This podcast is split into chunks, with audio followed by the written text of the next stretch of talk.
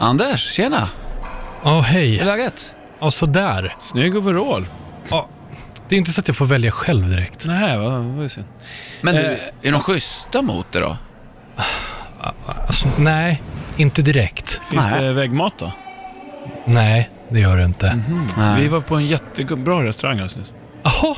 Mm. Men du, hur länge, hur länge blev det? Ja, tre till sex. Dagar? Nej, Danne, tre till sex år blev det. År! Ja, men vi sa ju att du inte skulle gå mot röd gubbe. Men jag gick ju inte mot röd gubbe! Jo, fast Hyfsat det säkra är på vi det ganska faktiskt. säkra på att du gjorde. Ja, men varför anmälde ni mig då? Ja, det där ordnar sig. Det blir säkert bra. Fan, jag trodde ni var polare. Äh, Andreas, Ni ska vi gå? golare! Jag vill ta en bärs, Danne. Ja, Kom. ja. Golare! Ja, men gå inte då! Fan!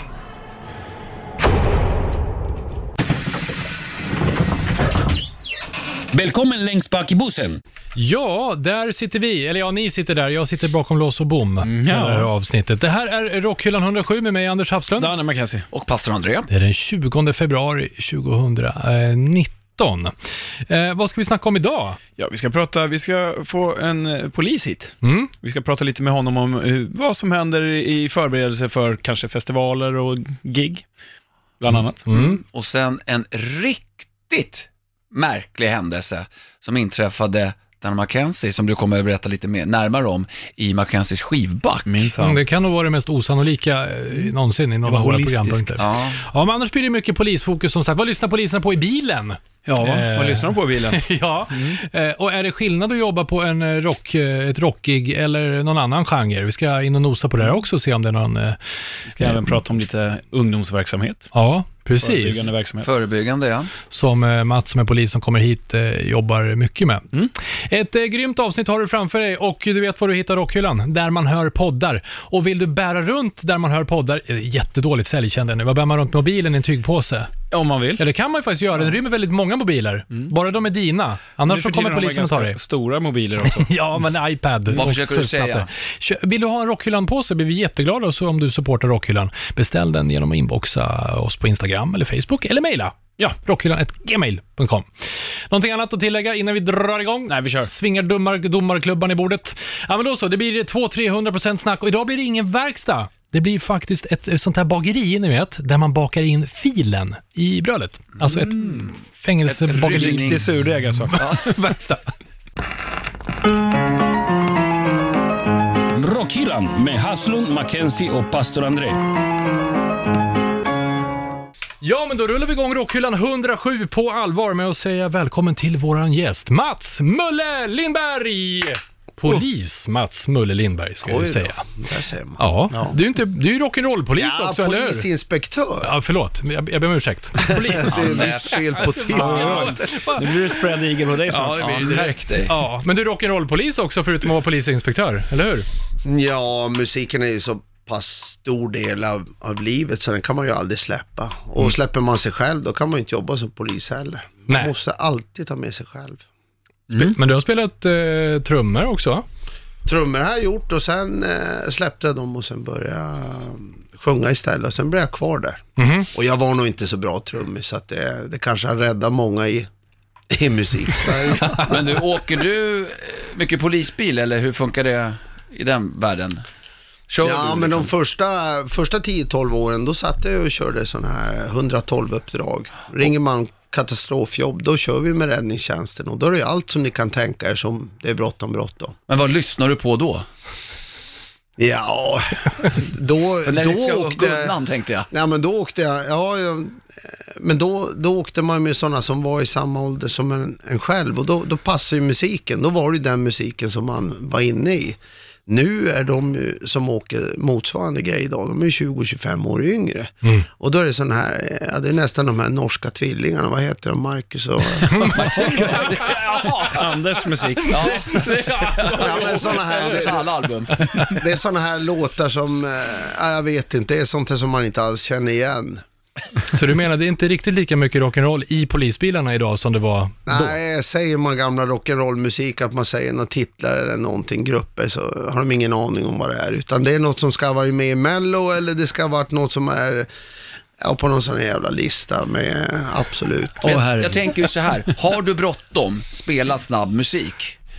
Ja. Eller? Ja, och, och, Alltså man anammar si- sitt humör och sin stil efter musiken. Så att har du bråttom i ett polisiärt arbete, Mm. eh, eller om det ringer någon, ja men då sätter man ju på lite blastbeats eller tung rock, så går det ju snabbare.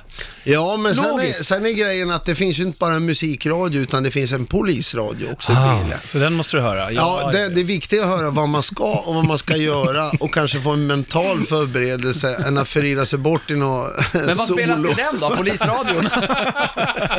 Nej, men jag, har, jag har ju föreslagit, men det här har jag aldrig fått igenom, att det skulle finnas på eh, nattskiften, då det är lite segt ibland. Mm. Då skulle det finnas som en, en, uppe på polisradion som kör som en polis-DJ, som ungefär en önskning i natten någonting. Att man kan ringa in som en radiobil och kan inte lira den för eh, 5640 som rullar på Söder nu och sen eh, lägger man på den och En röst i natten heter det där. Ja, ja med han där... Eh, Killian, Jack Killian. Just det. Just det. det är ju fantastiskt. Polis FM liksom. ja, fanta- tungt. Ja, vilket Ny annorlunda för, polisjobb. företagsidé. Ja, verkligen. Men jag tycker det, för det är ju en sån där grej som, det lättar upp lite grann och så länge det inte stör verksamheten, eh, för folk lyssnar ju ändå på melodiradio i Ja, bilarna. Ja. Så då kan man göra en sån grej och det blir lite personligt och lite mer, ja jag vet inte. Ja, det vore ju grymt. Ja, nu Ring- kan du dra fram det här förslaget. Eh, eh, Vi kan DJa. Mats, vi ska ju stanna kvar i musiken. Det här är ju faktiskt ett önskeämne från en av eh, Rockhyllans lyssnare. Olle skrev in till oss någon gång i höstas och ville vi skulle bjuda upp en polis. Fantastiskt bra idé, tyckte vi. Och nu sitter du här. Och eh, det som han föreslog då var att prata lite grann om det här kring eh, konserter och festivaler och hur, det är, hur man förbereder sig som polis, hur man jobbar i samband med gig och sånt där. Så vi tänker, om vi börjar lite grann i den ändan, så ska vi även snacka om sånt som du jobbar med till vardags. Eh, Kör. Det så bra. vi börjar det här med, när det är stora spelningar i stan, säger vi efter sommaren någon gång där så kommer ju Rammstein hit och spelar på stadion. Va, va, vad händer hos polisen då? Vad måste man göra som konsertarrangör och hur förbereder ni er? Eh, då, då det kommer stora konserter, då ska det vara tillstånd och sen går man igenom hur många vakter ska det vara, var ska det vara någonstans, förväntad publikanströmning, eh, säkerheten, finns det en hotbild, finns det något annat som kan eh, äventyra arrangemanget. Och helst ska ju det vara så att, att konserten bevakningsmässigt, säkerhetsmässigt, de ska rulla som en egen, som ett eget företag. Vi ska inte vara in, egentligen inne på konserten, utan det ska de ha personal som ser till att, att det är trygghet för, för gäster, avvisitering vid insläpp och inget dricka och inga farliga föremål. Och, eh, det ska de ha sin eh, vaktstyrka att fixa med. Aha, okej, så Och polis... vi ska köra utom, eh, utanför konserten och då är det oftast trafikavspärrning och se till att folk inte blir överkörda eller eh, annan typ av verksamhet som inte ska vara där. Men måste man ha tillstånd hos polisen varje gång man ska ha en stor konsert? Ja, man måste ha tillstånd. Mhm. Och det är ju, ja det måste du ha till exempel om, om du söker tillstånd för, för små grejer eller partaj eller du ska spela musik eller någonting. I det här fallet så är det störande. Då får man en viss, eh, kanske en volym som man ska hålla efter. Man får ett klockslag som man får börja lira och det ska vara tyst då. Ja, ni vet ju hur stadion är. De har ju grannar som har lite pengar på fickorna och de gillar inte att bli störda och det gäller ju som att balansera det där Ja. en bra tillställning och sen om omgivningen nöjd. Plus att det efter en festival kan bli jävla stökigt med, ja, ni vet ju hur det ser ut när en festival har varit där. Mm. Men jag tänkte på det här med, som du sa med, med decibel och sådär. Det, eh, lägger ni er i sånt? Hur, hur högt det får vara? Ja, men det, det, det, det, finns ju, det finns ju olika nivåer. Jag är ju inte någon sån som sitter på tillståndsavdelningen nu, men det finns ju nivåer man ska förhålla sig till. Och skulle man köra Woodstock-style så att, att det krossas glasrutor på, uppe på... Ja, just det, men det, i, i Sverige finns det ju en dB-gräns, det vet jag. Och Ja. så finns det något som heter Musikpolisen, faktiskt, som åker in på, ja, som åker in på festivaler med dB-mätare och, En buller. kontrollerar. En Ja, bullermätare, ja, precis. Så, så kontrollerar så att man är inom rätt gränser. Och många av banden som, som kommer till Sverige, som, som Rammstein faktiskt, de, eh, de tolererar ju inte den nivån. Så de tar hellre den, eh, eh, den böten. Boten, ja. De tar den boten. Mhm. Men För att det, Medvetet Ja, medvetet. För de, de, det kostar x antal tusenlappar, hundratusen kanske. Men det, det, de kan inte spela Eh, på, Med- på, på under den, de under, under de premisserna. Nej, nej. Precis. Ja. Nej, men det, det kan jag säkert tänka mig att, att de, måste, de måste ha så att det funkar för dem. Men, eh, det är Sen inte... så ska det funka för de här grannarna med pengar också, Blue, Blue Hair, Hair Ladies. Då. Men det där var ju Ja. utomhus, om vi tittar till exempel om vi ska stanna i Stockholm och Globen, alltså en stor, Ja. vad tar den i 20 000? Nå, 12 någonting, Ja, precis. Är det det? Ja. Okej, ja, vi säger 15 000 då, det är ändå en ganska stor publikströmning. Hur gör ni de beräkningarna om det ska vara en riskfylld konsert eller vilka kriterier går ni på? Jag vet ju inte vad som krävs för till exempel eh, Globen har ju sitt, Hovet har ju sitt, andra arenor som Annexet och eh, Mosebacke och Kägelbanan, ni vet hela det här. Det finns ju, de har ju sina eh, enskilda regler som, eh, men man tittar ju på vakter per antal besökande och då ska det finnas sig en vakt per tusen eller någonting. Som anlitas av spelställena då? Nej, då, då, då säger man att om ni ska hålla Okej. med ordningsvakter, eh, säg att man på stadion tar då, vad tar man? då? 30 någonting. Ja, det är va? 30 Ja. någonting. ja. Och då ska du ha för det evenemanget, säg 120 vakter då. Mm. Och då kommer man ju kolla att du, att du har det. Du kan ju inte säga nu ställer vi upp 10 stycken här, för då får du inte genomföra arrangemanget. Okej. Utan man sätter alltså förutsättningar för att tillståndet ska eh, gå igenom. Eh, och vilken plats det ska vara och är det en allmän yta eller är det en e- alltså, mer Ja, just det. avstängd plats där inte allmänheten kommer och går hur de vill. Och det är stadion är till exempel ett sånt. Men har du ute vid Frescati, det är ju mer ett öppet fält Ja. eller Gärdet och då, då gäller ju olika tillstånd. Och det är jag för dåligt bevandrad i för att kunna säga vad som gäller. Ja. Men innan vi tar oss in till själva spelningen börjar då, så samma dag säger vi, klockan 12, Ja. spelning. Hur, vet du hur man förbereder sig på polisen då? Vad är det för, eh, vad, har, förbereder, vad har man för utrustning som man behöver ha med sig särskilt i samband med en konsert? Är det något särskilt som ni tänker på? Eh, Termos. öronproppar? Eller en öronproppar? grillad kyckling man kan stå och tvätta händerna i flera timmar sedan. Marshmallows. Nej, jag sitter och rostar. Nej, det är man, alltså när man sticker ut och jobbar någonstans, oavsett om det är demonstration eller om det är en, en eh, musikbevakning eller någonting, så har man med sig full utrustning för yttre tjänst. Och det är ju att man tar lite höjd för vad som kan hända. Eh, De flesta st- eh, sådana här arrangemang går ju lugnt till för att oftast är ju publiken där i samma syfte. Det är ju lite annat om man går på en fotbollsmatch. Men man tar med sig allting utifall det sker något som är oväntat för då hinner man inte åka in och hämta benskydd, hjälmar, eh, personlig utrustning, första förbandsväskor, brandsläckare. Eh, man ser till att få med ut då som en, eh, om ni tänker en, en servicevagn, marketenterivagn med eh, ja, vätskeersättning, eh, olika sådana här saker man behöver. Plus kanske en sån här, eh, de har ett släp med en bajamaja också. Som Jag har aldrig varit bara för inne- er alltså? Ja, det är en sån här, det är en släpvagn som kommer ut och det brandkåren har ju haft det under ganska lång tid, alltså på något sätt en, en, ett trängförband som kommer ut och stöttar en pågående övning i insatsen. Och, men polisen har ju fått det här eh, av vissa personer som började med att eh, se till att serva när det blir långa insatser ute, för då har man ingen dricka med sig. Då går, då som man kroknar och går Ja, ner. Du kan ju bli kvar på en övning eller på ett sök eller någonstans. Där kan du inte gå och handla. Du kan inte gå ifrån på toaletten, du kan inte göra någonting. Nej. Och då tar man en serviceenhet och, och flyttar ut den och det där har ju blivit jättebra på senare kan man säga 15 år. Men det är ju för att det är några eldsjälar som har startat med det och var, kan man säga, fika, mat och fikaansvarig. Mm. Tross, typ. Ja, trots. Jaha, men du, vi ska ta och sparka igång eh, spelningen eller festivalen här eh, alldeles snart. Men ska vi ta lite musik innan? Är du beredd, Danne? Det kan vi väl? Ja, då kör vi Mackenzies skivback. Mackenzies freeback. Ja, nu har vi ju Mats här som är, du är polis, Ja. alltså deckare. Ja. Inte, inte är polis, jobba som polis. Okej, du jobbar som polis, en deckare. Ja. Så. Och eh, jo, så här, att eh, det finns en jävligt bra serie på, på eh, en av de här filmkanalerna eh, som heter Dirk Gentlys Holistic Detective Agency. Alltså Dirk Gentlys namn. holistiska detektivbyrå på svenska språket. Eh, jag fastnade som fan för det där. Det var jävligt roligt. Och det är med han Elijah Wood, som ni känner till från, eh, som Frodo i Sagan om ringen. Ja, just det. Ja. Eh, han är med i den här serien. Tyvärr Som blev det- Frodo. Som, precis, det är det som är så konstigt. Mm.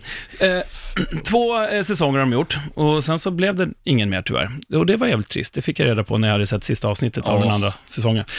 Hopp, så det blev det ja, lite antiklimax. Men jag tycker ändå att man ska se den här, för den är jävligt rolig. Och det handlar om det här med att han har en holistisk detektivbyrå, det är att allting hänger ihop.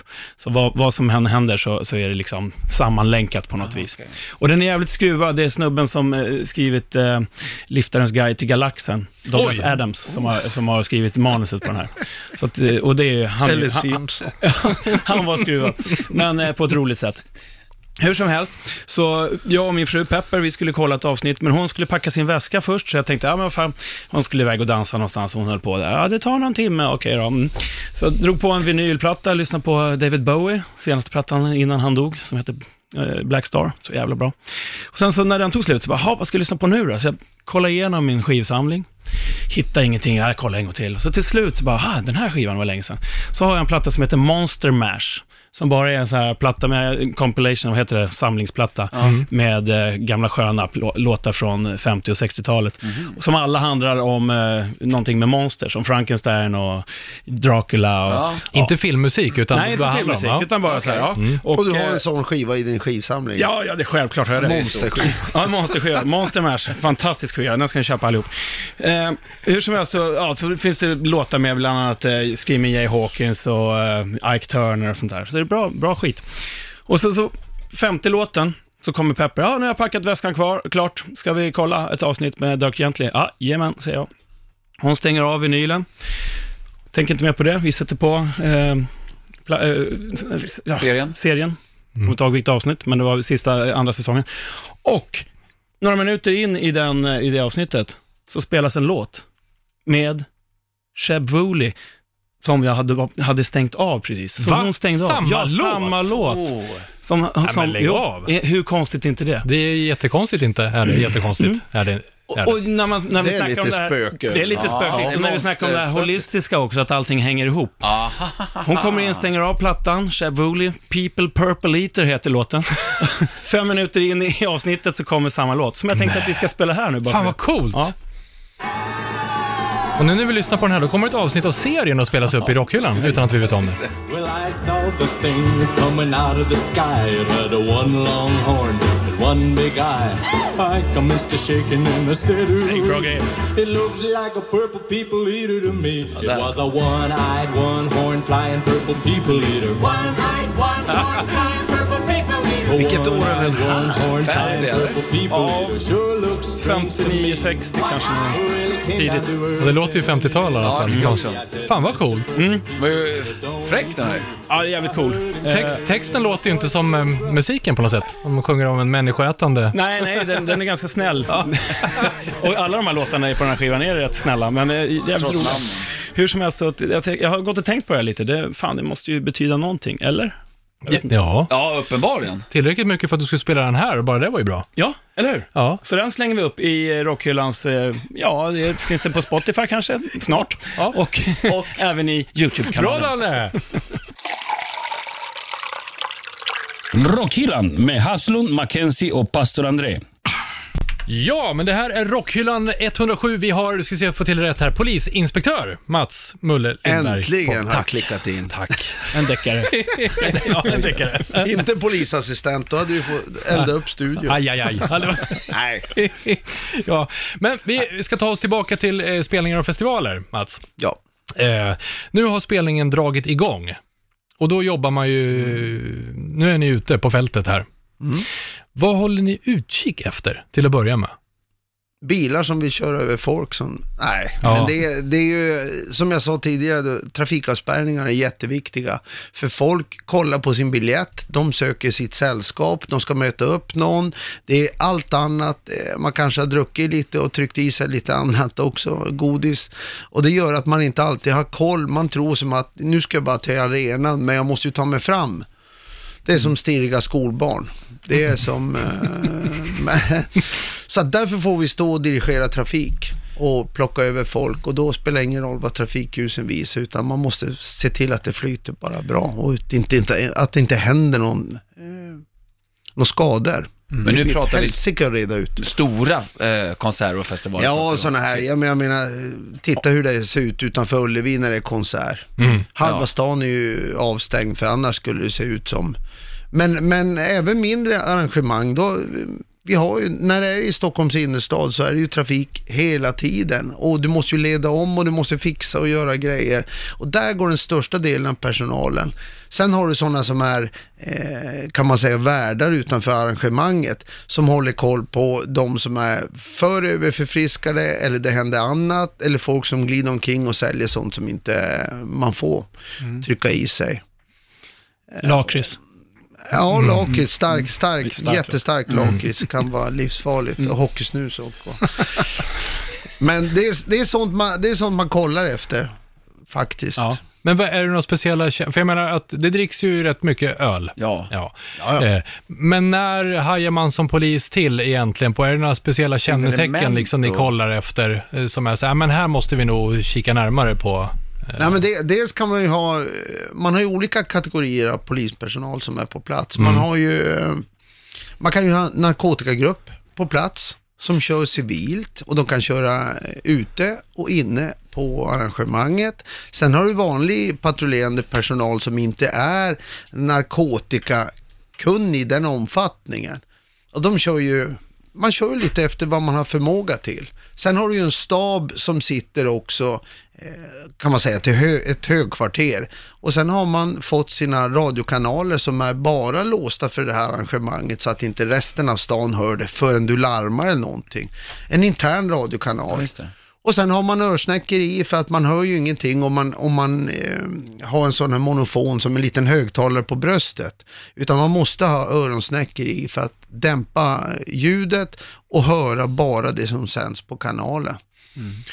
Och sen eh, har man sitt område, sin grupp, sin uppgift och eh, både före, under och efter konserten. Och sen så, eh, ja, så försöker man jobba på där och det flyter ju på rätt bra. Och efter konserten eh, så drar man ihop alla och då vill ju gruppchefen för, eller insatschefen veta, eh, är det någonting som, ja det vill han ju veta under konserten också, men är det någonting som vi kunde ha en erfarenhetsberättelse? Mhm. Hur gör vi bättre nästa gång? Var det något det fallerar på? Eh, Fattas det någonting? Eh, Och så vidare.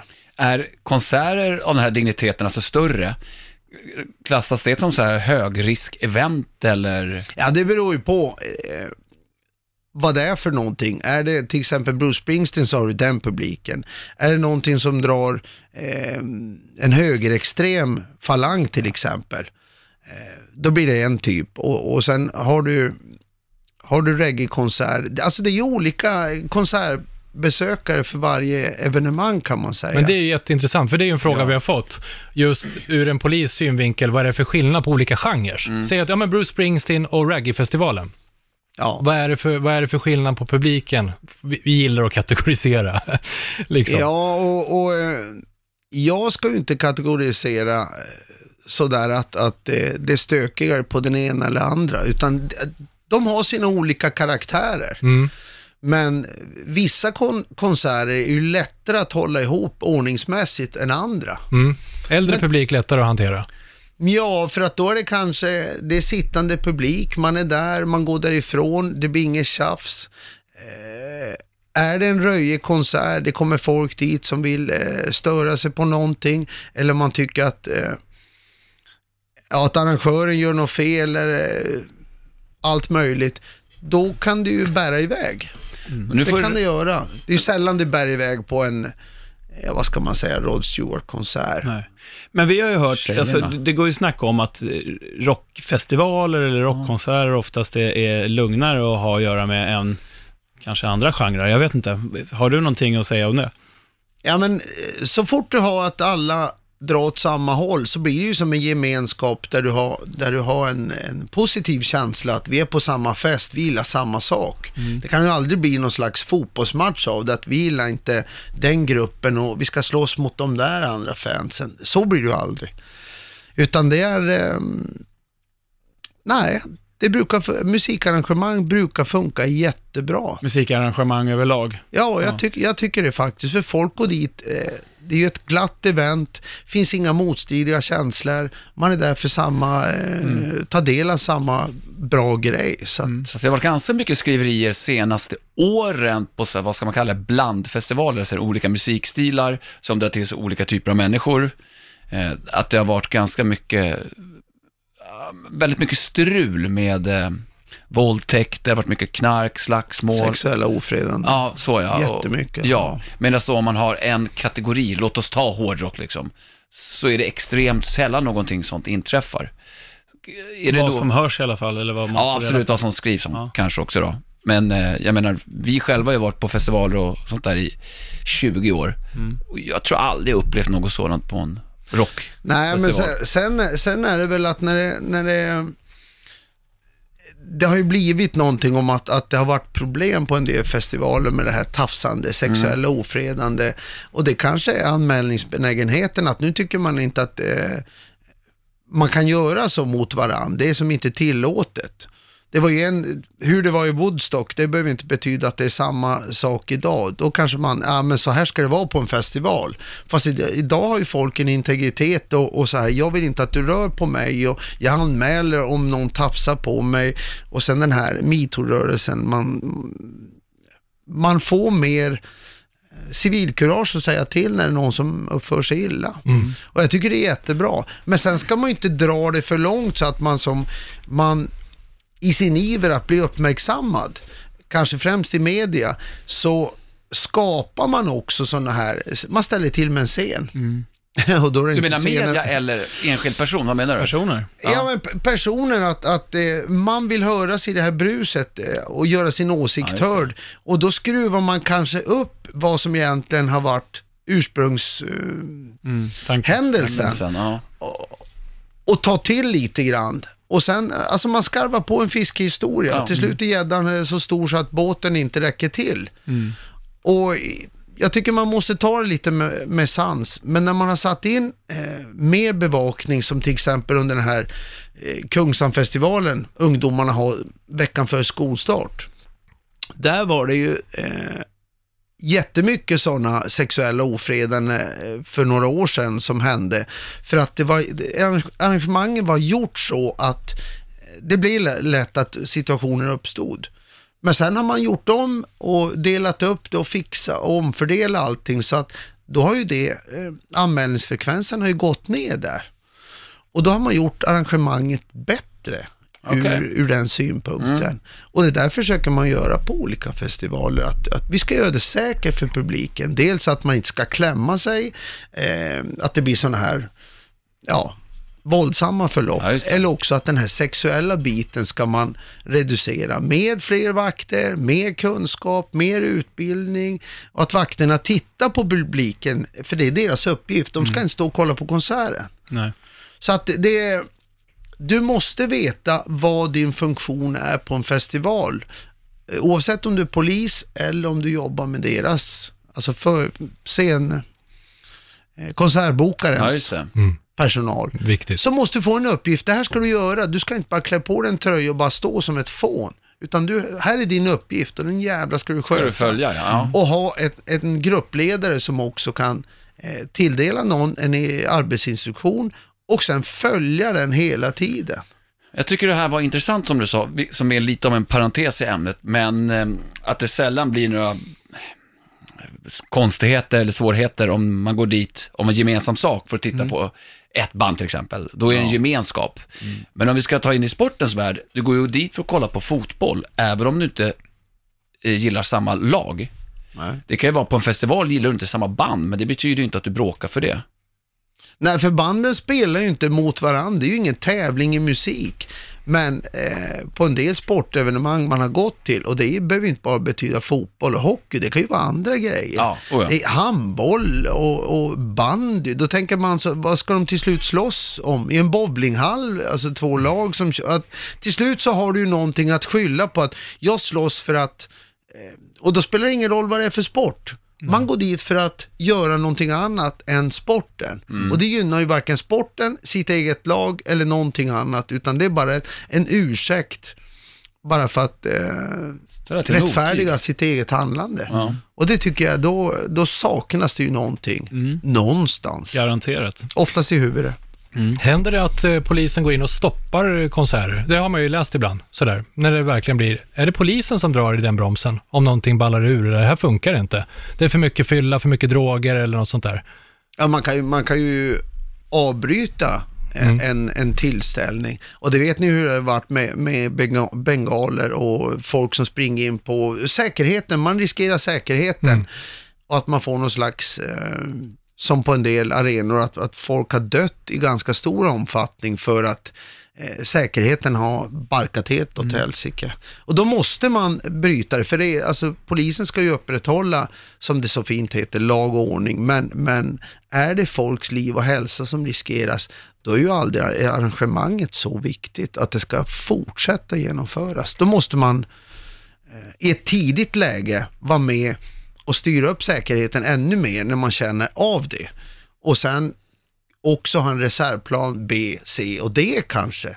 Om det blir så här, var har vi en skadeplats? Hur får vi fram enheter? Kan vi utrymma? Hur fixar vi det?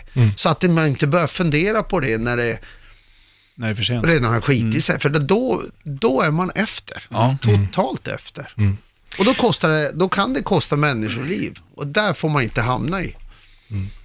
Vi ska ta och surra vidare om, eh, om det här kring eh, spelningar och mer eh, Mats, där du jobbar med till vardags här snart också. Vi ska ta och slänga in lite musik här och det är inte så allvarliga konsekvenser som vi pratat om nu, men det har i alla fall dålig stämning i samband med konserter. Vi tar det i Anders albumspår. Anders albumspår. Ja, hörni, nu blir det dålig stämning. Eller bra Äntligen. stämning. Nej! Eh, jag har ju inte pratat om Kiss på länge. Nej, vi Eh, vet. Jag får brev varje vecka. Och, Det är två och- veckor sedan sist. Ja, eh, men nu, nu känner jag att nu går det inte. För när vi var på Bandit Rock Awards i helgen så var det en eh, kille jag stod och snackade med där som började prata lite grann om deras eh, End of the Voice Tour, eh, End of the Road Tour heter Mm. det. Eh, för internet eh, svämmar över, i alla fall på de delarna jag hänger, av videoanalyser På och Kissnet. skriverier på kissnet.com. eh, om Paul Stanley som har vidtagit åtgärder med sin röst inför den här turnén. Och då tänker ni, jaha, har han fixat ett par nya stämband? Eller Ja. har han fixat ett par nygamla stämband? Men jag tänker så här, vi ska börja 2015. Det här har sagts tidigare i Kiss, men vi börjar 2015 i en intervju med Gene Simmons. Så nu ska jag eh, simultan översätta från anglesiska till svenska här. Wow. Då sa Gene så här. Jag har ett problem när du tar 100 dollar i betalt för att se en liveshow och artisten använder backing tracks. Mm. Eh, det är som ingredienser i mat. Om den första ingrediensen på etiketten är socker, så är det i alla fall ärligt. Det står socker där, eller hur? Mm. Mm. Eh, det skulle vara på varje biljett som du betalar 100 dollar för. En sån märkning. Att det står socker. eller? Ja, precis. 30-50% av showen är på backing tracks och så sjunger de lite grann ibland och ibland så läppsynkar de. Ja. Då skulle det i alla fall vara ärligt. Jag pratar inte om backing tracks, liksom, det handlar inte om det. Det handlar om ärlighet. Hälsningar Gene Simmons. Så spolar vi fram bandet till 2019. Det är den 20 februari och eh, Kiss har dragit igång sin End of the Voice Tour, som jag sa, eh, med Paul Stanley. Och här finns det då ett antal exempel eh, där det havererar. Eh, till exempel när Kiss drar igång Psycho Circus så verkar Eric Singer som då sköter eventuella backing tracks, ehm, han failar lite grann där. Så när Paul står så där en tre meter bakom mikrofonen, då börjar han helt magiskt nog att sjunga i PA. Det börjar med ett ganska starkt skrik. Eller är det han, han som inte är med i matchen och så han står tre meter bakom sin mick? Ja, precis. Ja. Ja, men det, jag, jag tror att det blev fel. Han drog igång det Okej. för tidigt Ja, eller ja. någonting sånt där. Så han pekar på Eric och här är massa slow motion analyser och sånt där. Och, och det som händer då är att Paul, eh, enligt uppgift här då, eh, måste sjunga själv. Ja. Och då låter det lite grann som det gjorde sist, de här. Paul har ju inte sin gyllene röst kvar, som vi alla älskar, eller jag. Mm. Eh, Och sen finns det hundra massa andra videos där, man, där han liksom vrider bort huvudet lite grann och så hörs s på slutet. Ni fattar vilka Kiss-nörderier. Ja, ja. Men eh, det finns de som försvarar här. Sebastian Bach har twi- twittrat att jag var på Kiss, fan ni kan dra åt helvete allihopa. Han sjöng som en gud och eh, det är det här liksom, de har ju gett oss så mycket till rock'n'rollen och, och allt det där. Men det kanske inte handlar om det Nej. egentligen. Och, Det handlar om att det ska stå socker först. Ja, ja och ä- ärligt talat, jag kan, jag kan ju inte stå här med, med 101% eh, övertygelse och säga att det är så, men det är ganska mycket som tyder på det just nu. Fast det är ju så. Ja, vi har, alltså, jag, jag tror inte att jag har sett Kiss alla de här 10-12 gånger, jag vet inte hur många gånger jag har sett dem nu, där jag tror att de har, där han har sjungit liksom playback förinspelad nej. röst. Jag, jag tror inte att jag har sett det. Nej, Det har pratats om ju det på inte- Kiss-kryssningar och sånt där, att det har varit lite sådär. För det har ju inte låtit så bra, så då, då är det ju... Men sa du Chris, kryssningar? Kiss-kryssningar, ja de har ju Kiss Cruise. Det är också svårt att säga. ja, det är som Pur- Purple People Eater. Ja. eh, som Danne hade i skivbacken. Jag vet inte, alltså för min del, så jag vill ju ta, jag hoppas ju att Kiss kommer även nästa år och spelar arenaspelningar, för sist de var här så hade de ingen åldersgräns, så får man ta med sig ungarna. Jag vill ta med mig ungarna en gång på Kiss. Eh, så jag hoppas på, och de kommer ju skita i det. Det, är- Ja, ja. det är tuffa gubbar. Men nu kommer de ju till sommar. Sweden ja, på Rock. Sweden Rock. Men eh, jag har inte fixat festivalpass. Eh, så att jag har inte bokat in det. Men jag hoppas fortfarande på att de kommer till eh, på någon arenaspelning. Så jag kommer gå och kolla. Men det är lite kluvet alltså. Jag är, börjar Ska bli mer och mer... hålla? Ja. Ja, och så just det, sen, jag har ju hela tiden levt med att jag tror inte att de skulle dra det så här långt, men nu gör de sannolikt det. Ja, och då kan man ju tycka, vad, vad, då är han ju inte så ärlig den där Gene Simmons. Nej. Nej. Men hur känns det här för dig? Alltså spelar det någon roll? För showen kan ju fortfarande vara lika bra och det är fortfarande...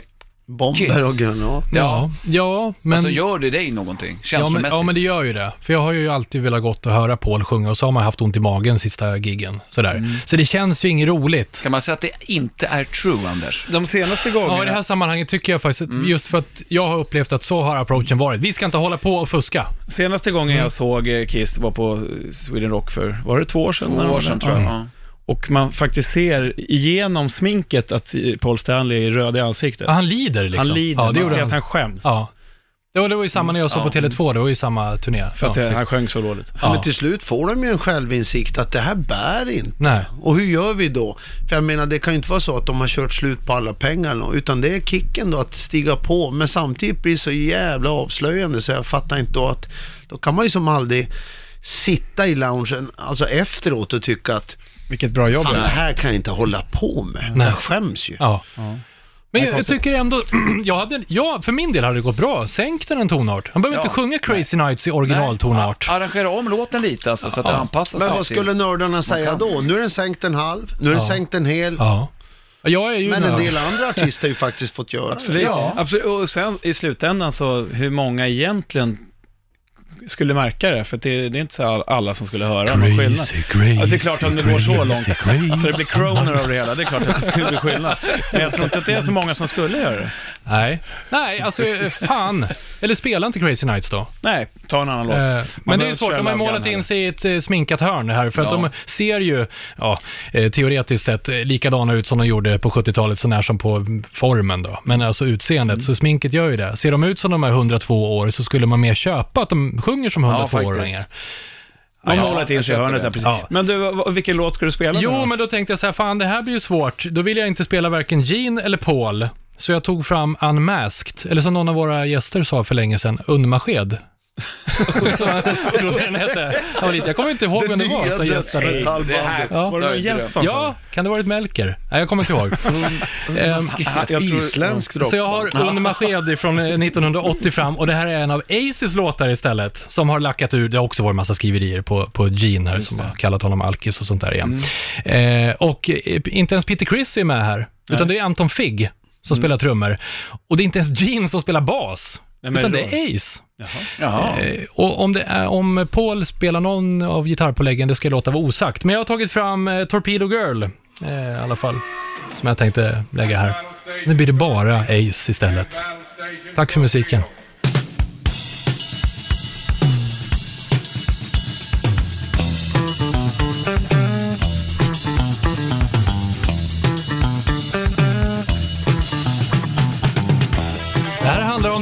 Det ute och simmar en dag och får syn på en ubåt.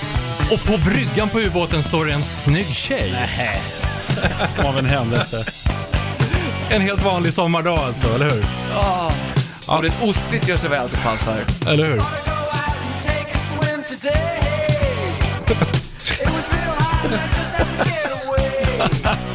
Ja, det här är bra.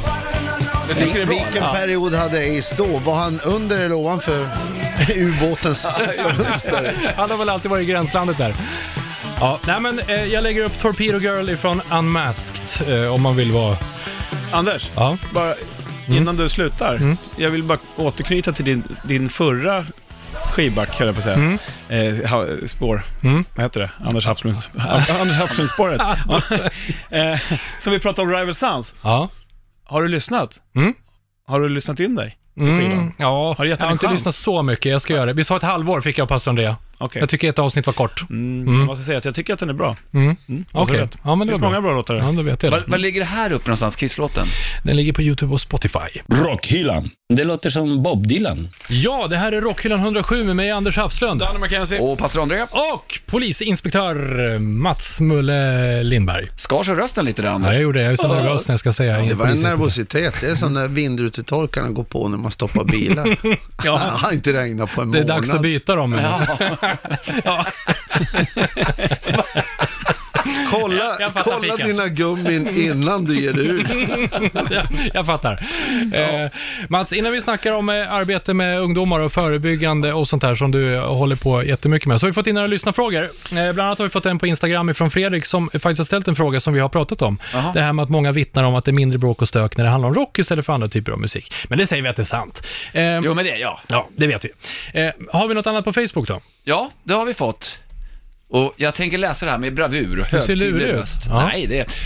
Eh, Carl P.J. Nilsson, Mm. eller PJ låter fräckare om man säger lite på amerikansk. Hej grabbar, det är vi. Jag undrar om vakter, poliser får fler skällsord ropade efter sig beroende på vilken typ av festival, gig de är på. Det är väl riktat till dig kanske, Mats då? Nej, jag vet inte. Det är inte så många. Jag går ju på, eller alla evenemang där man möter, ja, evenemang, alla gånger man har med folk att göra, det är ju en del att, det är därför jag har valt det här jobbet, för att umgås och, och, och serva folk. Eh, och ibland träffar man glada, ibland ledsna människor, men på, på ett musikevenemang eh, snackar man och tjafsar och lite pratar allt möjligt med folk i, överallt man stöter på dem. Då, men ja, men generellt? folk är glada. Nej, man får inget, får alltså så det blir inget skällsord. De kan säga, alltså, du vet, polis, polis, potatisgris och sen står man och skrattar tillsammans för att det, det, det är egentligen inga saker som, de säger inte för att skada någon utan det är mer som en, eh, hur hälsar man på folk och man kanske inte vet vad man ska fråga om. Det finns som inget konkret att jag tappar en cykel eller blir bestulen någonting. Hur tilltalar man en polis på stan? Och då kan de här öppningsreplikerna bli eh, så konstiga att, ja, ja jag kanske inte potatisgris. Det är hårda ord ändå. Ja, men då är det, Det är inte lätt att tackla då är det sånt där. klass två eller tre på lågstadiet. Men, men, men det, och grabbarna är ju som i mopedåldern. Hur många har du skjutit idag? Jag har inga heller idag. Men, men det, öppningsreplikerna kan vara så otroligt många så ibland så är man, man vet inte om man ska skratta eller gråta. Är det här det bästa du kan öppna med? Jag fick lära mig en sån där på, på mellanstadiet när du sa det där. Det var när man gick fram till polisen och sa man, får man säga gris till en polis? Nej, det får man inte. Får man säga polis till en gris då? Ja, god afton då polisen. Den var, den, rebellisk den var, ja, den var från Ja, det var- Katrineholm. Ja, verkligen. Katrin, jag, jag vill bara fortsätta. det mörkaste. Ja. Karl eh, P.J. Nilsson fortsätter, men tack för svaret. Eh, Han skriver så här. PS! Och jag säger det här att ni kan gå in och titta själva så att det inte är jag som hittar på detta. Jag tar bort det meddelandet. PS. Julrimmen, om vi går tillbaka till julavsnittet, på skinnförklädet var sjukt uppskattat. Pastorns rim vann. Nej. Så här är Mats, vi gör ett julavsnitt varje år. Okej. Självklart vid julen. Gjorde du överhuvudtaget ett rim om, Där- om där-? Jag tror Där vi rimmar. Jaha. Och i alla år har jag fått spott och spä på att jag är så dålig. Men här, nu kommer sanningen fram.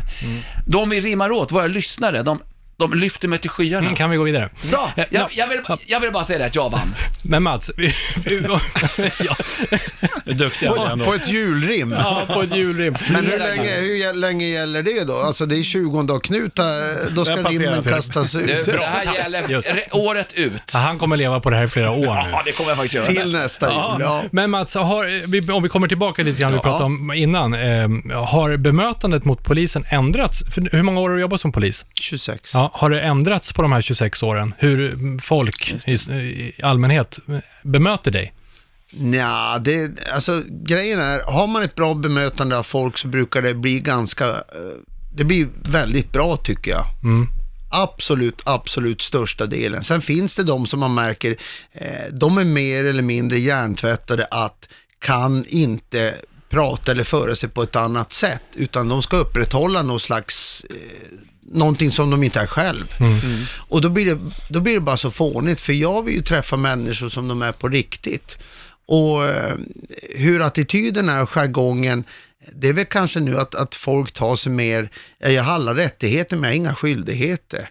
Och om ni står och jobbar någonstans eh, så kan jag stå och filma och jag kan störa er och jag kan göra vad som helst. Ni kan inte röra mig, luften är fri, ungefär den där stilen. Och då förstår man inte som hur, de, hur de tänker. Och det här kan ju vara alltså nyktra, sansade människor som bara är i vägen på, på ett sätt som man fattar inte. Hur, hur, Hur de är funtade. nej, hur, varför gör ni så här för? Ni hjälper oss inte, utan det viktigaste är att ni får filma och påpeka, komma in mitten av ett skede och säga att vi gör fel. Det är som att jag skulle komma in på din arbetsplats och hela tiden stå och peka och picka dig på axeln och säga att du gör fel, fel, eller vara i vägen för dig. Eh, och jag förstår inte syftet med det. Nej. Jag är en offentlig person, folk har rätt att tycka till och så, men låt mig göra mitt jobb först, så ska jag sen motivera varför jag gör si eller så. Jag tar hand om dina diskussioner, men inte just nu. Nu är det här viktigare. Och jag kommer att sen ta med den tid det behövs för dig, så att vi kan reda ut om du tycker att någonting är konstigt. Hur, Jag ska eh, inte lämna sansat. dina grejer obesvarade. Men hur bemöter eh, du eh, ett gäng liksom, som har den här rätt taskiga attityden? Vad är ett bra trick för att hantera det där? Det är oftast med humor. Okej. Man kan, eh, man kan ju träffa sådana här gäng, eh, till exempel eh, gymnasieelever eller den typen av ålder, lite olika sammanhang. Men man kan oftast, när, man, när de märker att man inte är så här, eh, stram och uniformskorrekt bara för att man måste det och låtsas vara någon annan, utan jag faller tillbaka i min egen person och man kan alltid spinna vidare på olika ämnen, snacka med dem, känna av situationen, ett skratt lite här och där. Så, så brukar det ofta sluta i, i ja ni vet, i High five. high five och, och eh, alltså de här gänghälsningarna och sådana här grejer. Om det finns någonting som fortfarande finns kvar i dem som är ett vettigt uppförande. Mm. Sen finns det ju vissa som är totalt, eh, alltså på en annan planet. Men Vad kan det, vara, kan det vara så bara för att man ser uniformen så bedömer man er som någon Ja, slags att- fiende eller någonting? Ja, och att det ska vara på ett visst sätt, du ska uppföra dig. Ja. Och när man märker som att, att man pratar med dem, det, den här polisen kanske inte var så här elak som vi förutsatt det. att, han- att han var. Nej. Då blir det oftast jäkligt bra ton av det. Och då kan det också vara i vissa sammanhang att, att de vill att man ska stå, stå kvar och prata. Man kan inte gå iväg. Nu måste jag gå iväg Mm. och jobba vidare eller något, men vi kan se sen eller någonting. Och det slutar eh, på ett bra sätt. Mm. Jag Och då slipper man hålla på och brottas och dra och slita i folk också, för det är något som jag absolut aldrig vill hålla på med. Ja. Men sen det här med, som du säger, hur, hur man bemöter folk, eller liksom, det här med bara att hälsa på folk också, som en del människor är ganska dåliga på överlag. Ja, verkligen. Alltså, jag menar, kommer man med en öppen och skön attityd så får man ju ofta det tillbaka, Tillbaka, också. ja. Men eh, så jag råkade ut för en grej, var lite roligt bara. Jag skulle in på något ställe och sen så var vakten där, var, ja, han, sta, han stannade mig och så var han ganska brysk i sitt sätt.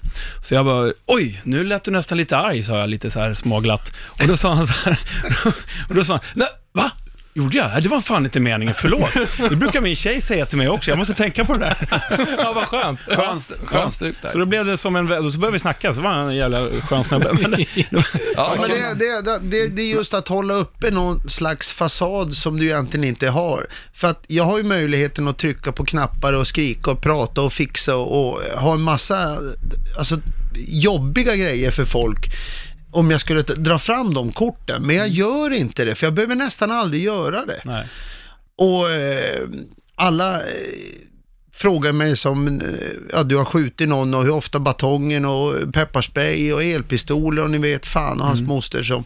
Men, men grejen är att, att eh, jag har pratat mig igenom de här åren och då har jag ändå träffat på alla de här flippade människorna som, så det är ingen slump att jag säger att snacket är Kommunikation. det bästa. Ja. Och sen är det någon enstaka gång det har farit iväg och då måste man som lägga sig på en annan nivå. Men annars går det att lösa de mest konstiga situationer med ett bra snack och känna av vem man står och pratar Ja. med. Fantastiskt. Hur, hur, jag tänker så här, i, i ditt yrke då, så måste ju du och dina kollegor utsättas för ganska mycket så här psykisk stress. Och så, ni får se mycket skit. Hur, hur hanterar du det? Får ni någon så här psykologisk hjälp i jobbet eller måste man handskas med det på egen hand? Ja, men oftast man, eh, de man jobbar med, man kopplar ju på någon slags, eh, före ett jobb så, så eh, går man upp i en mental förberedelse. Vad är man på för jobb? Vad kan det innebära? Och sen så lägger man det ett antal omfall uppåt i, i den här trappan. Så att man alltid nästan kommer till en plats eh, och befarar någonting värre. Då går det alltid att sänka. Men ligger du för lågt så går det inte att komma ifatt om det visar sig att det är värre än vad du trodde att det var. Så man, man, man kör ett antal omfall och sen så eh, mental förberedelse, men det är ju som i sport. När du väl kommer fram så har du redan gjort det i tanken och då är det lättare att det bara, det går av sig själv. Och sen diskussionen efteråt, det sköter man ju med kollegor på ett, på ett mer djupare plan. Och sen om man har någon hemma man kan diskutera med också, utan sådana här personuppgifter, utan man pratar bara om en händelse med X eh, och Y inblandat, eh, som en händelse i stort. Då har man kunnat av, avlasta sin egen mentala, tagit bort den stressnivån. Och eh, då kan man gå på samma typ av uppdrag eller andra uppdrag och vara nollad. Alltså man, man går på från början så att man inte får en mental blockering när man kommer ut. Nu är man där igen. Då, för då måste ju någon ta hand om mig.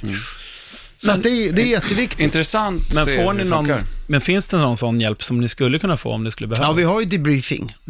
Så att vi har ju avlastningssamtal som det heter efter jobbiga händelser som man kan välja att vara med på eller inte. För en del vill ha det direkt efter, en del vill låta smälta lite grann eller kanske ta det dagen efter. Så att ingen går hem och man tänker att nu eh, mår någon riktigt jäkla illa.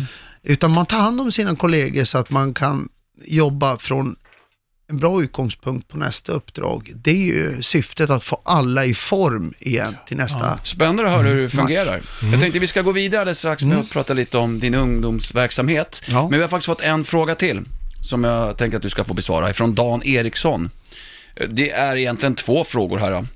Eh, Vi kan ju börja med, hur ser vakter på moshpit? Vet du vad en moshpit är?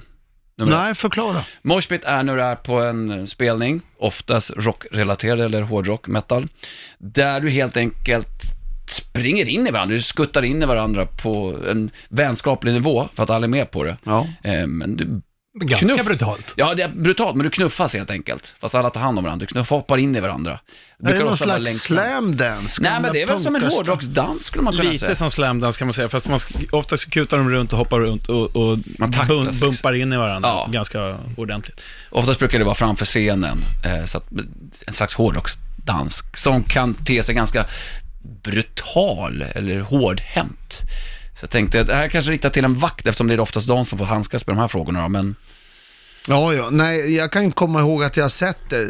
Lite andra grejer har man ju sett, då det böljar och det är lite sånt här. Men, eh, men crowdsurfing då? För det är också en följdfråga här. Då. Okej. Ja, mycket Alltså, vaktfrågor för de som är inne på arenan egentligen. Ja, som det är det egentligen, Det är ingen ja. polis. Ingen polisiär, nej. Nej, bara, ingen, bara inte att det blir sådana här grejer så att du äventyrar eh, ja, så här, dumma grejer. Så att det blir uppenbart dumma grejer, men att det blir någon slags att folk eh, rör på sig och att det blir lite vilt under en konsert. Men det kan ju ha olika, du får känna av det. Är det här på ett bra sätt eller är det så att det kan störa och att till slut brinner det, någon blir tokig där inne, att nu, nu blir det allvar och smacka på någon. Så att man får ju, man får ju försöka, alltså fingertoppskänsla Ja. och vara med när ska man bryta och så. Och det ska ju vakterna som har, Ja. eh, de ska ha koll på det. Vi pratade om det här med debriefing lite grann innan. Så Ja. vi ska göra någonting liknande i rockhyllan-format, fast vi biktar oss istället när vi har eh, gjort Ja. våra grejer. Och då tar vi oss till pastorn Chalm. Pastorns psalm. Nu när lag och ordning råder här i kryptan, så är det dags att vi biktar oss ordentligt. Så att Mats, jag vill att du slår upp sidan 666 i psalmboken och tar del utav den här känslan. Den här känslan av att du är på väg hem efter en tung dag på arbetet och vill bara hem och sova och äta god mat och vara lite för dig själv. Så sitter jag då och håller på att fibbla med hörlurarna för jag ska lyssna på min favoritmusik, avkopplande dödsmetall helt enkelt. Men innan jag får på mig hörlurarna så överhör jag ett ungt eh, killgäng liksom som sitter och pratar med varandra. Och nu är jag ju så gammal så att jag förstår ju ungefär hälften vad de säger. De har ord och uttryck som för mig är rena kinesiskan. Men jag kunde ju ändå urskilja exakt vad de försökte säga. Och då pratade de om Ghost. Och att de hade kommit över ett par biljetter eh, för Ghost som spelar nu i Stockholm på lördag 23 februari. Och de tyckte att det skulle vara så himla coolt. Och så hör jag skräckscenariot. Jag låtsas ju självklart inte lyssna på dem, utan jag låtsas ju fibbla med mobilen och så här. Och då säger ena utav killarna, ja, Ghost ska ju bli skitkul att se, men vad är det för jävla förband? Kandelmas! men för helvete pojkar vill jag bara skrika. Vad är det för någonting jag hör? Jag ser framför mig hur ljuset släcktes i vagnen och så blixtrade lamporna. Sa du inget? Jag kan tala om, det här, mina små barn mörken, det här är Candlemass. Lyssna och lär.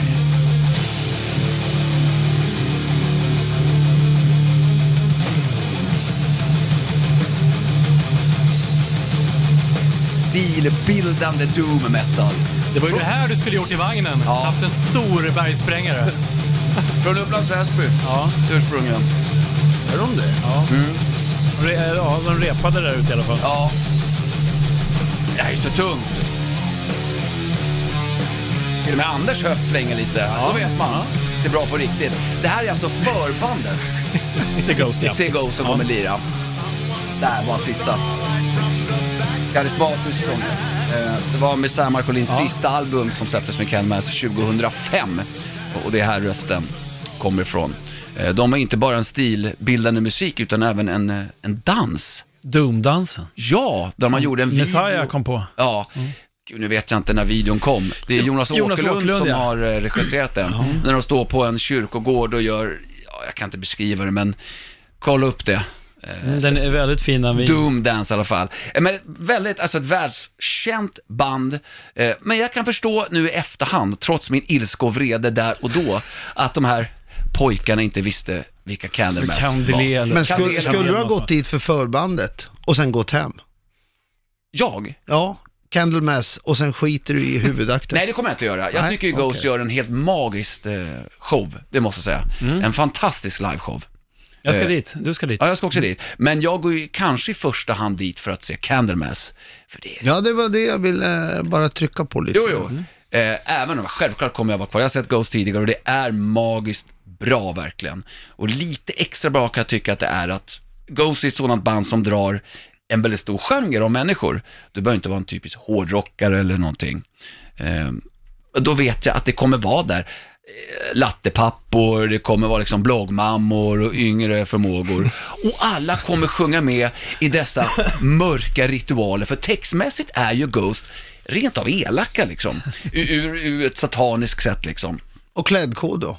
Dracula-kappa eller vad är det? Ja, ungefär. Ja. Hörntänder, Kanske inte på vitlök och- publiken, men... eh, Det, det behövs inte, men det är ett plus. Ja, det, ja det, Eller gamla ACDC's, de här med Ja, blinkande det. röda horn på Ja, huvudet. ja. Vad som helst går bra. Så vill man bli visiterad lite extra så kan man ju komma klädd så.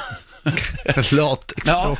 men det är ju, det är ju, ni måste ju hålla med, det är en märklig, eh, nästan upplyftande känsla av när du ser svenska folket stå och sjunga med till Ghosts låtar, när man skriker, Come together ja, for Lucifer's son. Åh, Ungefär mysigt. Och popcorn och sockervadd. lite så. Men Andrea, var kommer du lägga upp det här någonstans? Det här mina herrar, det kommer jag lägga upp på Spotify och YouTube. Bra, Andrea!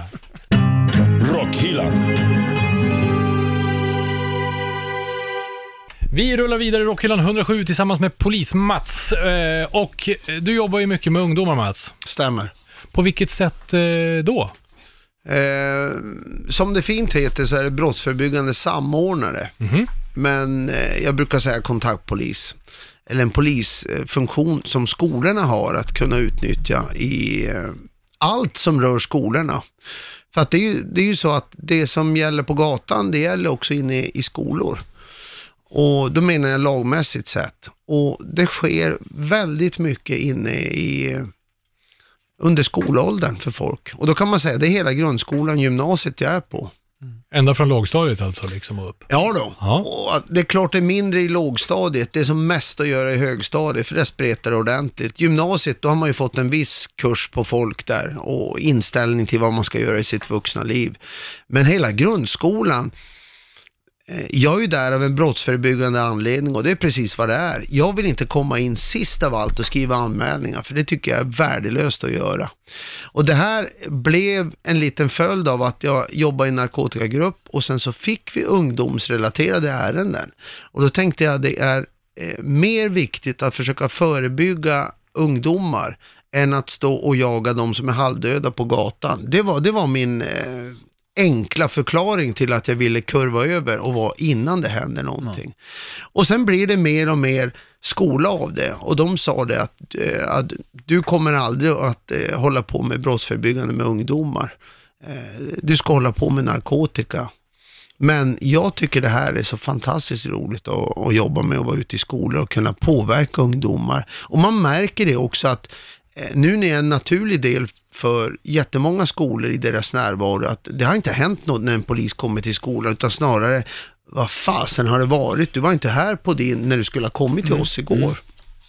Så jag har nästan eh, frånvaro får jag. Oj. Av kidsen då? Jag skolkar från skolan fast oj. man är över 50 år. Så att det känns inget kul på det sättet. Men de vill faktiskt att, eh, de kommer och vi pratar om allt möjligt. Och då är det också eh, äldre åldrar som man tycker, ja, hur ska de? Eh, men de vill ta kontakt och prata. Men du menar att du kan alltså förebygga, genom att vara där i skolan och prata med kidsen, så kan du på något sätt, vad, vad är din uppgift? Vad får de ut utav att du är där och Ja, men del, surrar? del, dels är det, jag jobbar ju med elevhälsan och det är ju alltså kurator, skolsköterska och skolledning och allting sånt. Och genom att lärarna då har ju en bättre känsla över sina respektive elever från timme efter timme, lektion, dag Ja. för dag, så har de ju bättre koll än föräldrarna oftast har på, på vilka, eh, vad juniorerna håller på med. Och det lyfter de ju till skolledningen, i det, eller skolans respe- respektive nätverk. Och sen tar vi ju tag i det, vilka elever som är flaggade, vilka som är, eh, har problem, att det händer någonting, att det är trender i en klass, att det störs en studiero, att det påverkar andra elever. Och då kan man jobba med det. Och många fall jobbar man ju enskilt också i familjemiljö, alltså det ser ju inte skolan, utan då träffar föräldrar och junioren hemma och diskuterar om, nu har någonting gått snett, hur ska vi rätta till det här? Och det, jag har ju en tystnadsplikt i min yrkesroll. Och de får ju berätta om de har snackat med mig om någonting, men jag kommer ju inte att läcka. För jag måste, föräldrarna måste jag ju underrätta då det är någonting. Mm. Men eh, genom att jag har en tjänstetelefon och en tjänstemail och det är bara jag som svarar på de kanalerna så, eh, så vet de att de anonymt eller namnuppgivet kan snacka med mig om vad som helst. Och få i alla fall råd om hur fixar vi till det här? Och det kan vara kniviga situationer med både alltså hot, eh, utpressningar, bötesbelopp, eh, sexuella ofredande, våldtäkter, eh, rubbet. Men bara så jag förstår det rätt, förlåt. Då Ja. har du alltså hand om de som redan har hamnat i trubbel, eller kan du också tala inför en klass, alltså generellt bara? Jo men till exempel, jag kör ju lag och rätt. Och sen kör, kör jag narkotikainfo eller internetrelaterade, vilket är en jättestor del av deras vardag. Ja. Och då har ju mentorerna eller lärarna bokat mig till lektioner Okej. när de läser ett block om just det här, eller hälsan och kroppen och då snackar man ju om narkotika. Eh, så att de bokar ju mig för det de vill att jag ska komma och prata om. Mm, Okej, okej. Och sen kan ju eleverna göra en egen frågelåda. Precis som era lyssnare har gjort ungefär. Och sen så drar jag lappar, för ibland vill man ju inte räcka upp handen och säga någonting som de andra skrattar åt. Nej, just. Utan då har man den här eh, hemliga frågelådan. Ja, just. Och då, då kan de fråga allt möjligt och jag tycker det är jättebra. Man Men- får en väldigt bra kontakt med eleverna. Nu råkar jag ju veta att du är ensam om det här i hela Stockholm. Ja, och grejen är så att det har ju funnits fler som har jobbat med det, men, men eh, polisen har ju tyvärr tappat lite personal de sista åren. Och då kan man inte hålla på med hur mycket som helst, utan vi har ju en prioritet. Och första hand är det 112 bilarna och sen så går det neråt. Men eh, Och Det kids är ju ingenting man behöver satsa på, så att då nej, nej, men grejen är att brottsförebyggande, det tycker jag är en så pass viktig del. Det är jätteviktigt menar jag. Ja, men sen beror det på vad du har för chef och vad man har för alltså, politisk styrning. För det är ju politikerna som är följd av, av vad vi har för regering och vilka man väljer och så. Det är ju de som ger oss eh, vad vi ska hålla på med. Det här är ju inget som jag hittar på själv utan snarare så att jag har jobbat ganska hårt för att få behålla det så att man i alla fall på en pers nu kan hålla igång det Ja. till att man får fler personalmässigt sett och då kan jag sätta dem i jobb imorgon bitti. För uppgifter är det ingen brist på. Och närvaron av polis på ett avspänt sätt i skolan, det, det tycker jag ska finnas i hela landet. Men kommer du, och Då kan man Det är förebygga. superviktigt alltså. kommer du och hänger på skolgården liksom bara ibland? Så att man, Ja, jag har, ju, jag har ju kan man säga två veckors schema och då rullar det runt så att jag besöker eh, två, tre skolor varje dag Jaha. under två veckors schema. Till exempel varannan tisdag. Då är jag på tre stycken eh, utsedda skolor. Och då är, kollar jag av läget i huset, kollar med nätverket eh, som finns där, elevhälsan och sen framförallt prata med eleverna. Och Allt som händer mellan mina fasta besök, alltså det, två veckor till nästa besök, det kör vi på mail eller på telefon. För att då, det kan ju bara krisa till sig någonting och då kör man en insats på det då. Men så barn och ungdomar på de här skolorna har alltså eh, även då, de kan ringa till dig, istället för att ringa polisens växel 114 14 eller något sånt där, så Ja, kan ja. de ringa direkt till dig och säga, jag har bekymmer med det här, Ja då, vad ska jag göra? ja då. Det är ju fantastiskt. Ja, jätte... Fan, det visste jag inte Och de har ju, allt bygger på ett förtroende. Mm. Och har man ett förtroende med dem så ringer de och berättar att ja men det är risigt eh, för mig eller jag har en kompis som sitter i en knipa eller mina föräldrar, eh, hemförhållanden är dåliga. Hur jag, alltså någon, för de kanske inte kan prata med en jämnårig kompis som inte förstår djupet i det de försöker berätta. Och andra skrattar åt dem och läraren kanske inte de träffas så ofta. Så där. Och jag kan ju tänka sig, varför ringer de till mig som är nästan den som kan Ja, Jag vet inte, i alla fall för de äldre åldrarna så, så är jag ju kanske ett hot också för dem. Att de, när de säger grejer så kan jag ingripa eh, om det är narkotika eller om det är någonting annat. Jag kan ju ha en, som en straffande roll enligt deras Det är uppfattning. kanske det de vill. Men, men de, de behöver, får de ett förtroende så ringer de och Ja, pratar. Precis. Och det, det tycker jag faktiskt Du är ju som är en psykolog, en rådgivare i det här fallet blir det ju. en röst i natten. Ja, just det, natten. Jack, Här är- Fast på dagen. Fast på Det är Och så- jag svarar alltid för att det är ingen växel de kommer till utan det det är är direkt mitt mail och min telefon. Och under de här åren, och jag har haft tjänstetelefon i ungefär säkert 15 år, så har det aldrig kommit några fula meddelanden eller en busringning eller någon som, eh, förstår ni, någonting negativt i telefon eller mail. Aldrig. Och då kan det ju inte vara så jäkla dåligt kan jag tänka det mig. är, Verkligen inte. Det är så bra så det är värt en eh, Rockhyllan-applåd, åtminstone. Men är du verksam eh, bara på ett visst antal skolor eller kan en rektor ringa dig? Tjena Matsan, du, kom hit. Jo, jo jag, har ju, jag har ju 20 grundskolor och sen här 10 gymnasium. Men ibland kan det ju vara en ny skola, så kallad ny skola, som, som ringer och frågar eller har hört någonting. Kan du hjälpa till med det här? Eller att våran eh, kundtjänst känner till att jag håller på med det här och då får jag kontaktuppgifter och kan se, är det här en skola som jag ska ta mig an eller ska jag bara jobba med den ett kort tag och sen har de i alla fall etablerat, upprättat en kontakt med mig Ja. för framtida händelser. För jag kan ju inte väva in hur många skolor som Såklart. helst på ett, på ett schema. Jag tänkte kanske om det är de här mer utsatta skolorna, eller som har, jag vet inte vad man ska kalla det problem, men äh, vissa typer av svårigheter som är mer utsatta. Om det kan vara bra att visa sig för dem, så att de får ett förtroende för polisen, om det inte existerar, eller Ja, vi, vi har ju, alltså det är ju både Korrekt. kommunala skolor och sen friskolor. Och sen har jag också sådana här saker som är, eh, alltså sista anhalten innan det blir ett behandlingshem eller institution. Och då är det alltså riktiga eh, problemelever som har en väldigt trasig bakgrund och Ja. hemförhållanden och så. Och de kräver ju en enorm personalstyrka på det sättet. Och de eleverna kan det vara jättesvårt att, att nå med, de har olika diagnoser och allting sånt där. Men de får man ju bara jobba eh, på ett annat sätt och förstå deras handikapp, att här får jag gå en annan väg. De kanske inte förstår det här som vanliga ungdomar gör, utan eh, ja, de kan ha ju sina de kan ha sina mentala blockeringar och då är det inte bara att gå fram och hej hej jag heter Mulle. Eh, Då blir de livrädda eller ja de förstår inte. Men om du har nu 30 skolor som du jobbar på, Ja. hur, hur ser schemat ut? Alltså hur många skolor besöker du per dag? Två, tre stycken. Ja, så då är du inte där så Mm. jätteofta, helt enkelt. Det blir, vad blir det, två veckors mellanrum typ? Ja, men det, det, det löper på ett två veckors schema.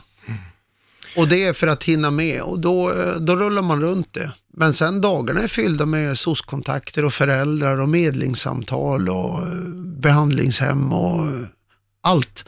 Så att det, det är full fart kan Ja, man jag säga. förstår det. Det här känns ju som en verksamhet som borde Speed finnas... metal. Hur, Ja, det är blastbeats hela dagarna mellan skolorna. det, tre borde finnas, baskaggar. det borde finnas hur många som helst av dig, tycker Ja. jag. Du, som en sista fråga här bara, du som jobbar mycket med det här med ungdomsverksamhet, vad, vad har du, finns det tips och råd för någon som kanske vill börja med förebyggande verksamhet? Har du något sånt som man...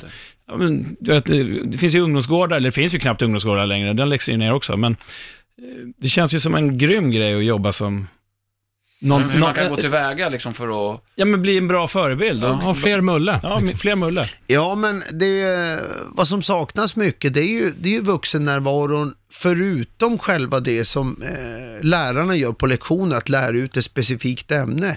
Alltså bara vuxennärvaro i korridorer där det ofta startar bråk och tjafs och, och eh, ja, där det börjar. Där behövs det vuxna eh, som mer, om ni tänker som en fri roll, ungefär, att bara finnas där och ta snacket och kunna hantera ungdomar på ett, på ett avspänt sätt och uppmärksamma dem. För ser de att de uppskattar och bekräftar det, då har du halva jobbet gjort. Visst. Men då är det, det kostar för mycket personal, eh, ibland måste du ha en, en specialutbildning, ni vet som ett körkort, eh, lärarmässigt. Ja. Och man gör det så jäkla svårt. Men där de har det och har lagt ner tid på det, det besparar ju massa. Det är ju brottsförebyggande. Ja, Då slipper de sitta och hålla på och krångla i, i rektors och skolledningen. Sätta upp lite kameror istället va? Det blir bra säkert. Ja, men det är... Jag tycker det ska vara förebyggande. Ja, Det är ett verkligen. fan- Jag håller med dig. Ge mig en fistbump. Boom! Det är ett fantast, tjong. fantastiskt jobb och Ja. eh, jävligt viktigt också. Eh, Mats, det har varit grymt att ha dig här, men innan vi släpper iväg dig så eh, måste vi prata lite mer rock'n'roll, för du är ju ändå en rock'n'roll-polis. Kör på. Eh, och vi, vet, ju- vi vet ju att du har har ett band, eller är det ett soloprojekt? Ja, men det är, lite, det är lite olika band det har blivit. Men det lutar ju åt rock'n'roll och det går inte så jäkla snabbt utan det är mer den här 60-70-tals rock'n'rollen i olika tappningar. Det är fint det med. Ja, Lite som ja. The Rum Kings, eller hur? ja, det är ett av, eh, det är ett av grejerna. Det måste vi lyssna på nu. Och på omslaget, alltså nu, att nu, vi har pratat om det här med eh, fake förut. På omslaget så står Ja, du, du fake. står med en bil där och Ja. det är en Cadillac. Mm. Har, du, har du en Cadillac? Ja, jag hade den. Den hade jag. Mm. Men jag har alltså sålt och köpt och har lite andra. Nu har jag Mustang så jag får spela Mustang Sally nästa gång. Ja, men det är i alla fall din bil på omslaget. Ja, ja det inte- är det. det ingen är, det är varningstext. äkta. Allt är äkta Okej. och allt sjungs i realtid Ingen också. socker, för här kommer i alla fall.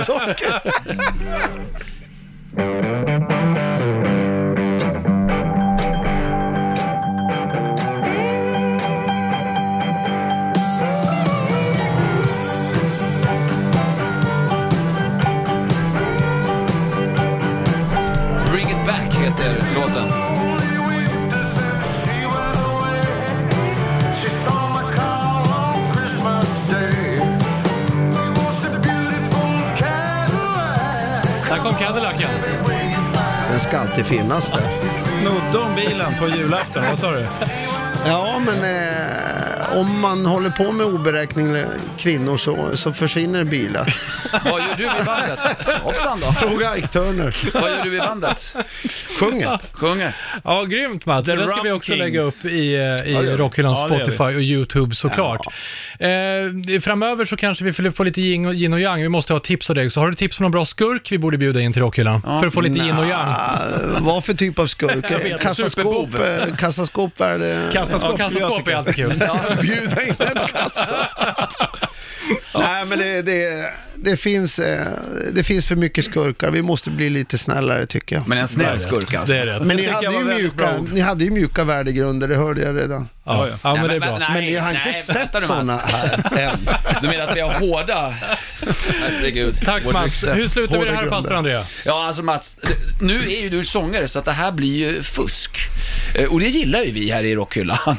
Så att så här i slutet av det här långa programmet och härliga och intressanta, så är det dags att verkligen kräma ur det sista. Hur ser frågan ut? Men det ska du inte vara.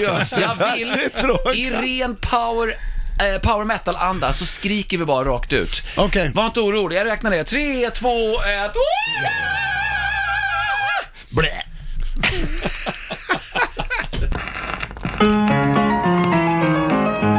Rockhyllan med Haslund, Mackenzie och pastor André.